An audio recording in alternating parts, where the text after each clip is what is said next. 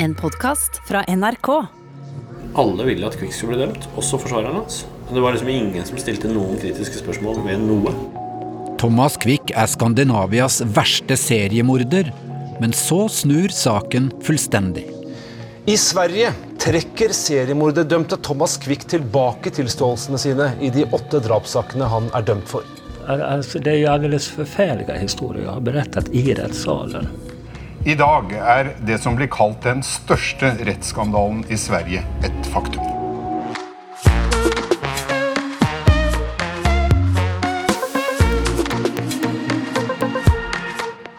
Du hører på andre del av Frikjent for seriemord, av meg, Kjetil Saugestad.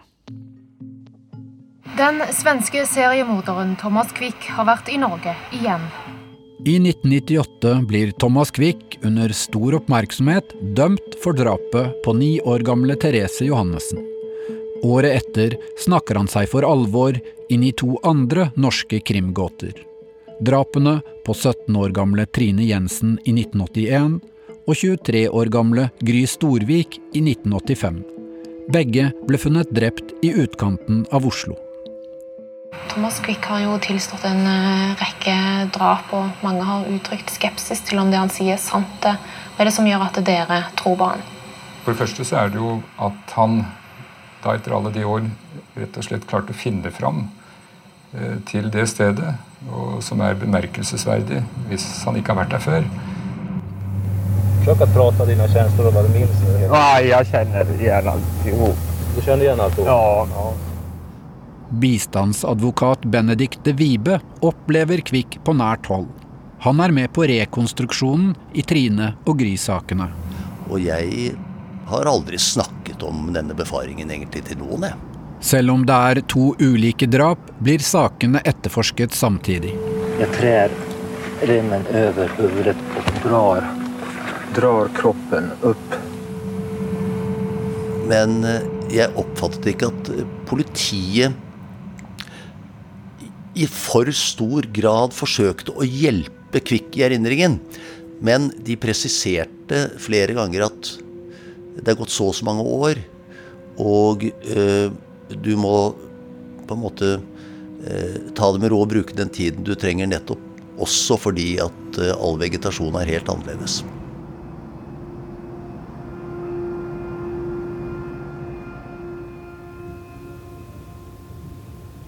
Nå skal jeg fortelle noe som jeg syns er viktig å formidle. Dagbladet-reporteren Kåre Hunstad jr. får nær kontakt med Thomas Quick. Men at den dømte seriemorderen snakker med pressen, er et stort problem for politiet.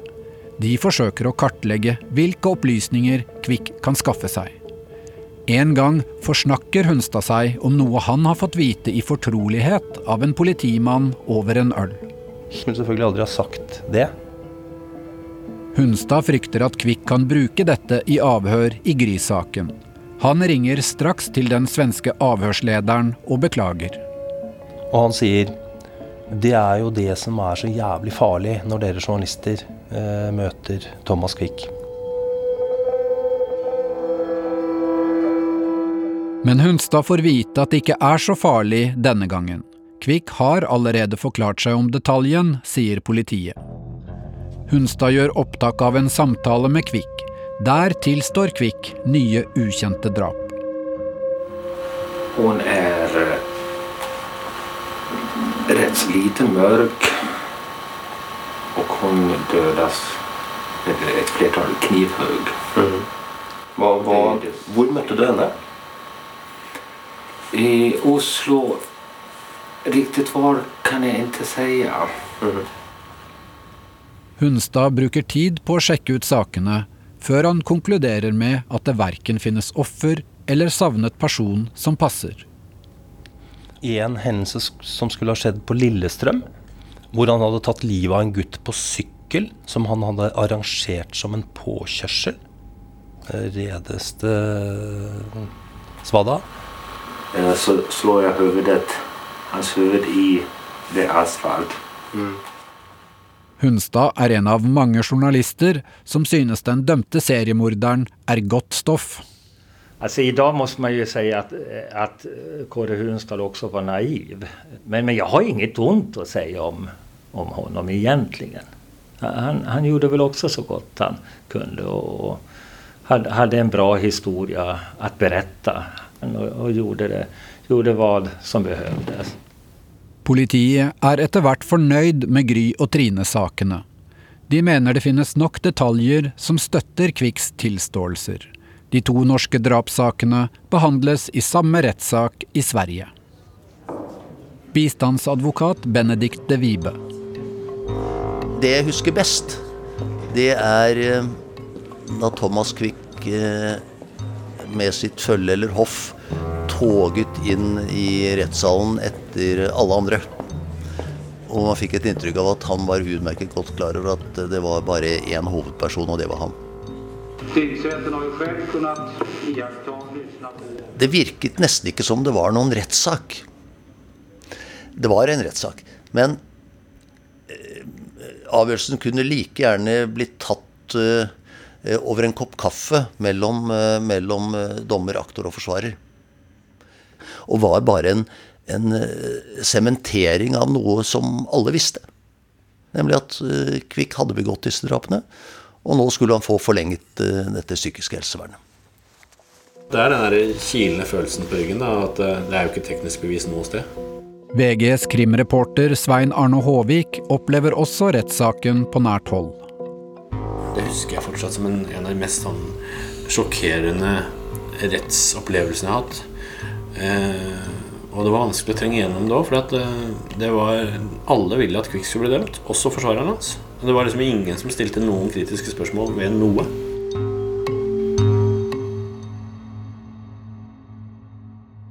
Sommeren år 2000 dømmes Thomas Quick for å ha drept Gry Storvik og Trine Jensen. Han er nå kjent skyldig i sju drap. Men det er ikke slutt med dette. Neste prosjekt er tilståelsen av å ha bortført seks år gamle Marianne Rugås Knutsen fra Risør i 1981. Politisjef Finn Abrahamsen. Da var vi altså mye mer kritiske til mye av det som kom fram. Norsk politi har lenge vært redde for at detaljer kunne lekke til Kvikk, f.eks. i form av ledende spørsmål. Ved ett tilfelle lanserer Finn Abrahamsen en helt tilfeldig forsvinningssak overfor svenske kolleger. Kanskje at han har noe med den saken å gjøre. Like etterpå tilstår Thomas Quick også i denne saken. Så dukket det pinadø opp altså historien for han noen dager etter. Da begynte han å prate om det samme. Da gjør man seg refleksjoner uten han skal bastant gå ut og si at uh, den eller de har på en måte plantet noe av det der. Svenske etterforskningsledere kjenner seg ikke igjen i denne historien. I Marianne-saken har Kvikk en utrolig mengde detaljer på plass, men nå vil ikke norsk politi gå videre uten konkrete funn etter jenta. Da blei han veldig irritert og bitter på det. Han, eh, for da, da mistet han selvfølgelig oppmerksomheten rundt seg. Da fikk han ikke den oppmerksomheten lenger. Da blei han altså, ville ikke snakke med oss lenger. Også utenfor politiet er det kritiske røster. Det virker så utrolig at han har drept gutter, jenter, kvinner og menn på helt forskjellige vis, uten at det finnes gode vitner. Det er tvil rundt tekniske bevis. Likevel, Thomas Quick blir også dømt for sitt åttende drap på en svensk gutt som heter Johan. Men nå begynner han selv å få nok. Det her er jo også veldig komplekst. I et avisinnlegg avslutter Thomas Quick alt samarbeid med politiet. Han skriver at all mistroen rundt sakene er blitt en belastning, ikke minst for de pårørende. Han virker fornærmet. Jeg, jeg kunne kjenne meg ekte fornærmet i ene stunden, og i den andre stunden vet at så måtte jeg uttrykke meg. Eh, hva var ekte hos meg selv når jeg var fornærmet? Eller når jeg ikke var förnärmad? Ja. På Seter psykiatriske sykehus tar en annen sjefoverlege over ansvaret. Han mener at Thomas Quick nærmest er en rusmisbruker, og tar vekk de sterkeste medisinene. En stund etterpå tar Quick tilbake sitt egentlige navn, Sture Bergwall, og nekter etter hvert å gå i terapi. I sju år skjer det lite, men han holder på tilståelsene. Men så stiller han opp i et intervju med journalisten Hannes Råstam fra Sveriges Televisjon. Dokumentaren slår ned som en bombe i desember 2008.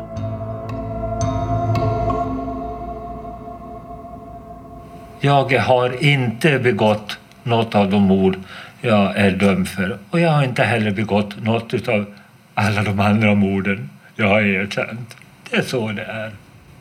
I beste sendetid trekker Sture Bergwall alle tilståelsene. Det blir starten på intense diskusjoner. Skal vi tro honom nå når han gråter ut i tv og bedyrer at han er helt oskyldig? Eller ljuger han nå, som den mytoman han er?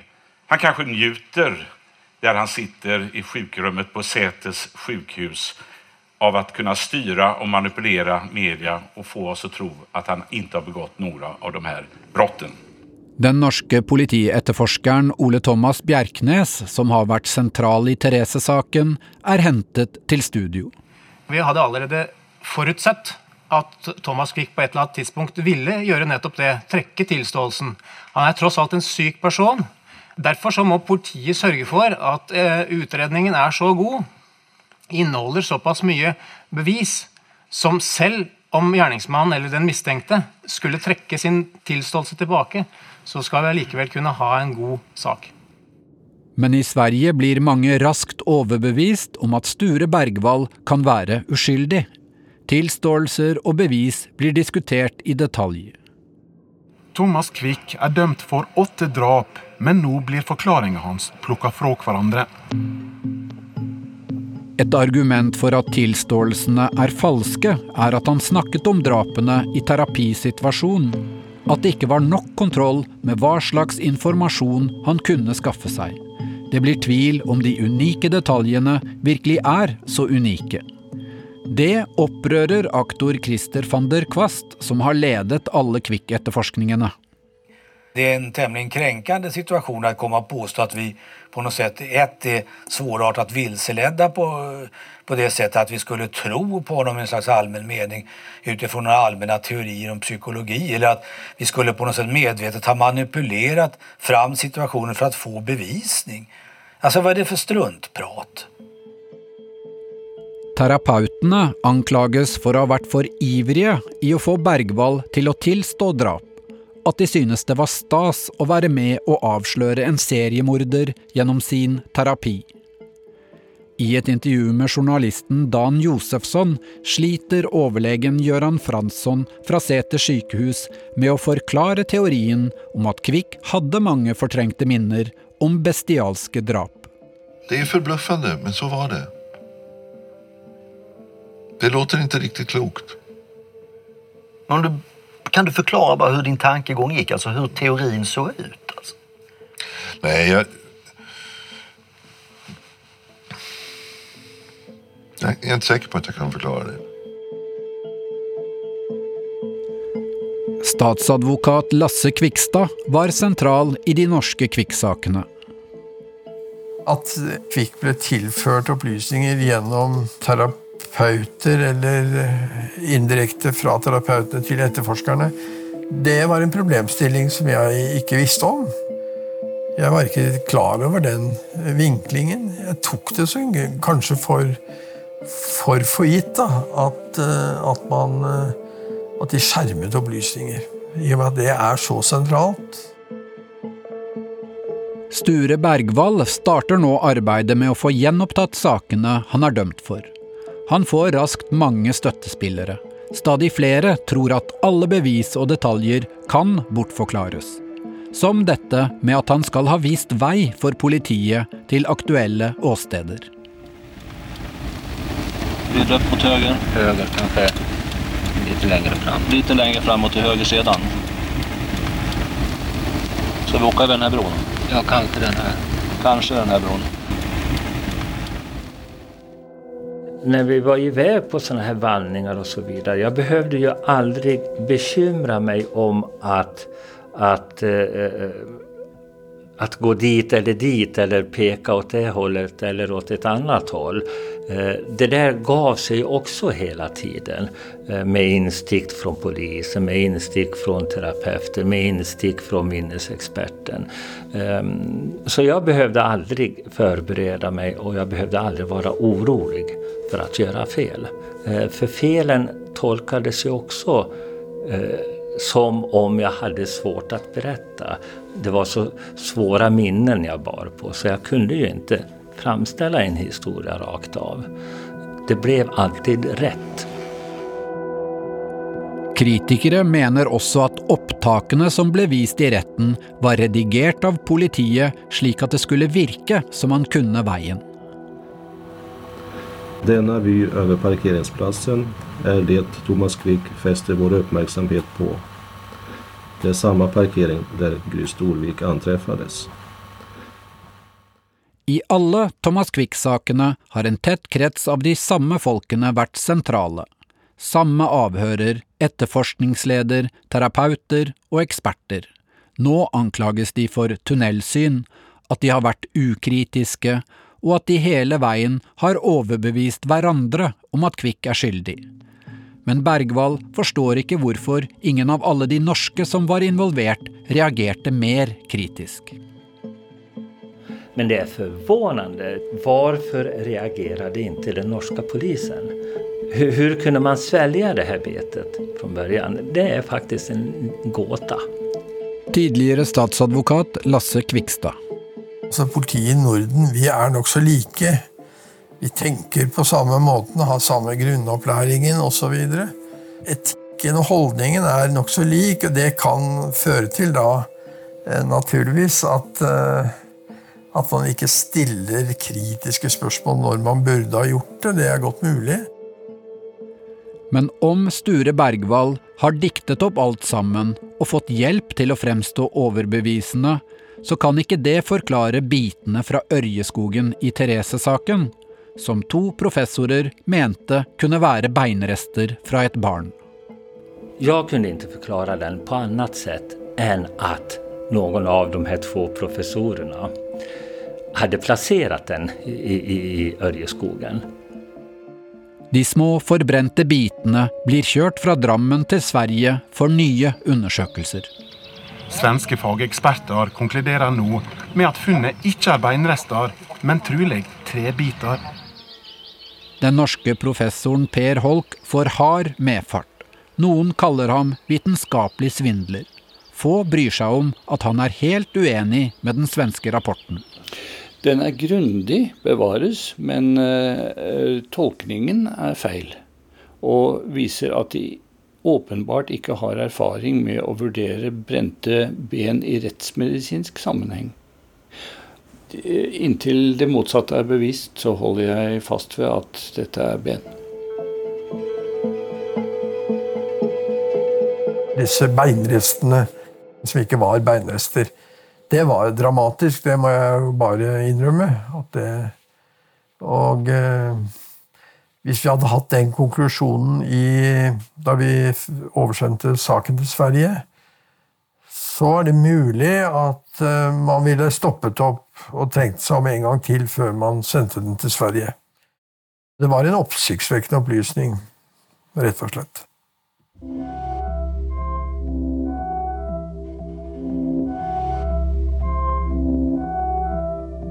Det er som om Kvikk-sakene kollapser. I rask rekkefølge får Sture Bergwall gjenopptatt alle drapssakene. Også Therese-saken, som mange har regnet som den mest solide av dem alle. Politietterforsker Håkon Grøtland. Når det kom for en dag at svaret var ja til gjenopptakelse, så var det en ganske stor strek i regninga for meg, fordi jeg hadde aldri trodd det. Og tenkte at det var hva i all verden uh, Har de virkelig kjøpt uh, disse argumentene? Sånn uten videre? På norsk side er de forbauset over at Sture Bergwall ikke må forklare seg mer. I forbindelse med gjenopptakelsene blir det gjennomført ett eneste avhør om de åtte drapssakene.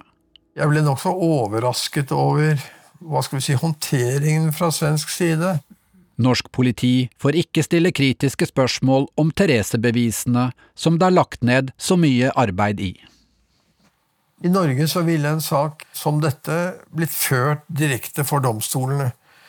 Jeg hadde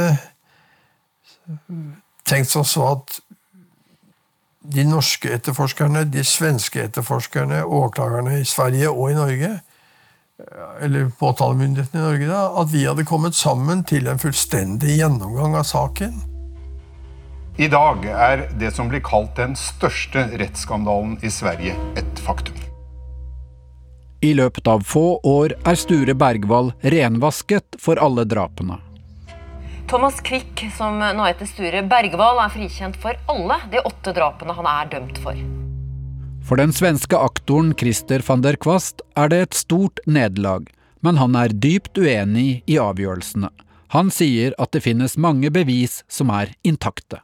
At det finnes annen informasjon om de her historiene enn det som har liksom blitt den etablerte sanningen.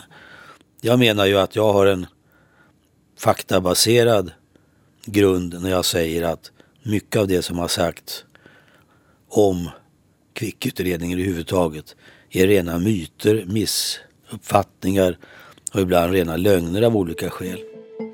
I Sverige har diskusjonene vært harde. De som fremdeles tror Sture Bergwall er skyldig, står nokså alene.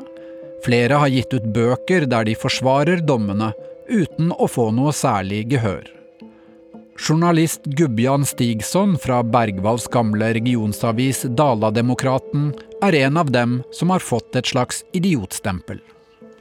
Ja, men det er jo som på den tiden eh, Galileo og de her hevder at jorden var rund. Man får ikke si at jorden er rund, den skal være platt. Du får, har du en avvikende åsikt, så blir du, eh, blir du idiotforklaret.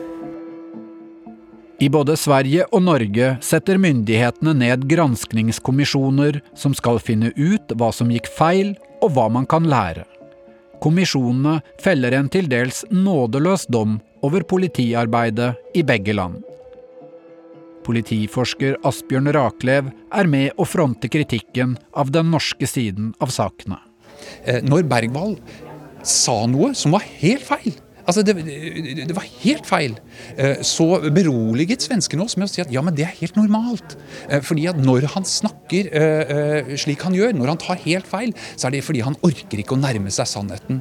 Og årsaken til at vi i rapporten vår omtaler det som en pseudovitenskapelig forklaringsmodell, er nettopp fordi den bygget altså tilsynelatende på hva skal vi si, råd fra menn og kvinner i hvite frakker om Therese har rødt eller lys eller svart hår, om han forteller noe om det i hans verden, som er noe, for å si det litt forsiktig, litt annerledes enn vår, eh, ja, hva så? De eksklusive tingene som aldri har vært vist før, er jo det som har bevisverdi.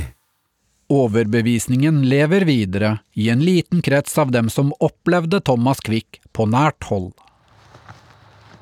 Altså her så går det en sti, eller gikk en sti, opp i skråningen her.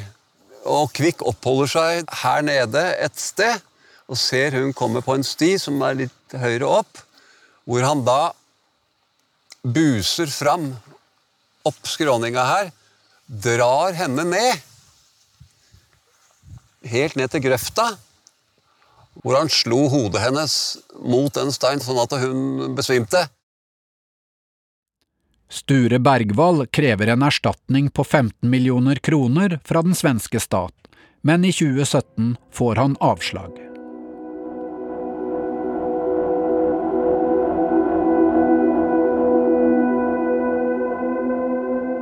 Det, det er så sorglig, allting Med här offrens anhöriga som har mistet barn, mistet en anhørig, eh, brottas med den sorgen. Eh, och så kommer det en Thomas Quick in i bilden och, och berättar en märklig historia. Eh, en svår historia. Alltså det är ju alldeles förfärliga historier jag har berättat i rättssalen. det är det absolut tyngsta. Sture Bergwall satt innesperret i 23 år på Sæter sykehus. Om han ikke hadde begynt å tilstå, kunne han sluppet ut mye før. Årene i frihet tenker han å bruke sammen med slekt og familie. Han vil skrive bøker og dikt. Jeg er lugn og trygg og, og eh, ja, idag er jeg en frisk menneske. Og det kjennes bra å si det.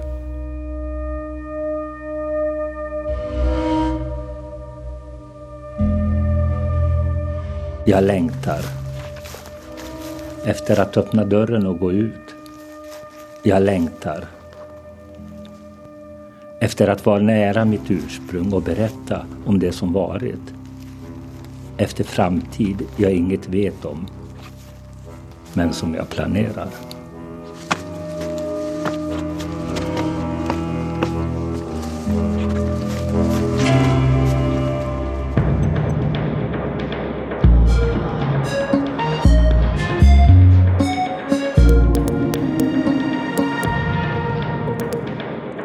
Du har hørt hele historien om Thomas Quick, frikjent for seriemord, laget av meg som heter Kjetil Saugestad. Lyddesign ved Merete Antonsen og Kjetil Hansen. Musikken er laget av Nils Jakob Langvik. Jeg anbefaler at du ser Therese, jenta som forsvant, i NRK TV. Diverse klipp er hentet herfra. Ellers er mye basert på en radiodokumentar jeg laget i 2014. En stor takk til Sveriges Televisjon, P4, ABC Nyheter, Dan Josefsson, Per Asle Rustad og Gubjan Stigson. Konsulenter Kari Hesthamar, Berit Hedemann og Line Alsaker. Redaktør for hele historien er Siril Heierdal. En podkast fra NRK.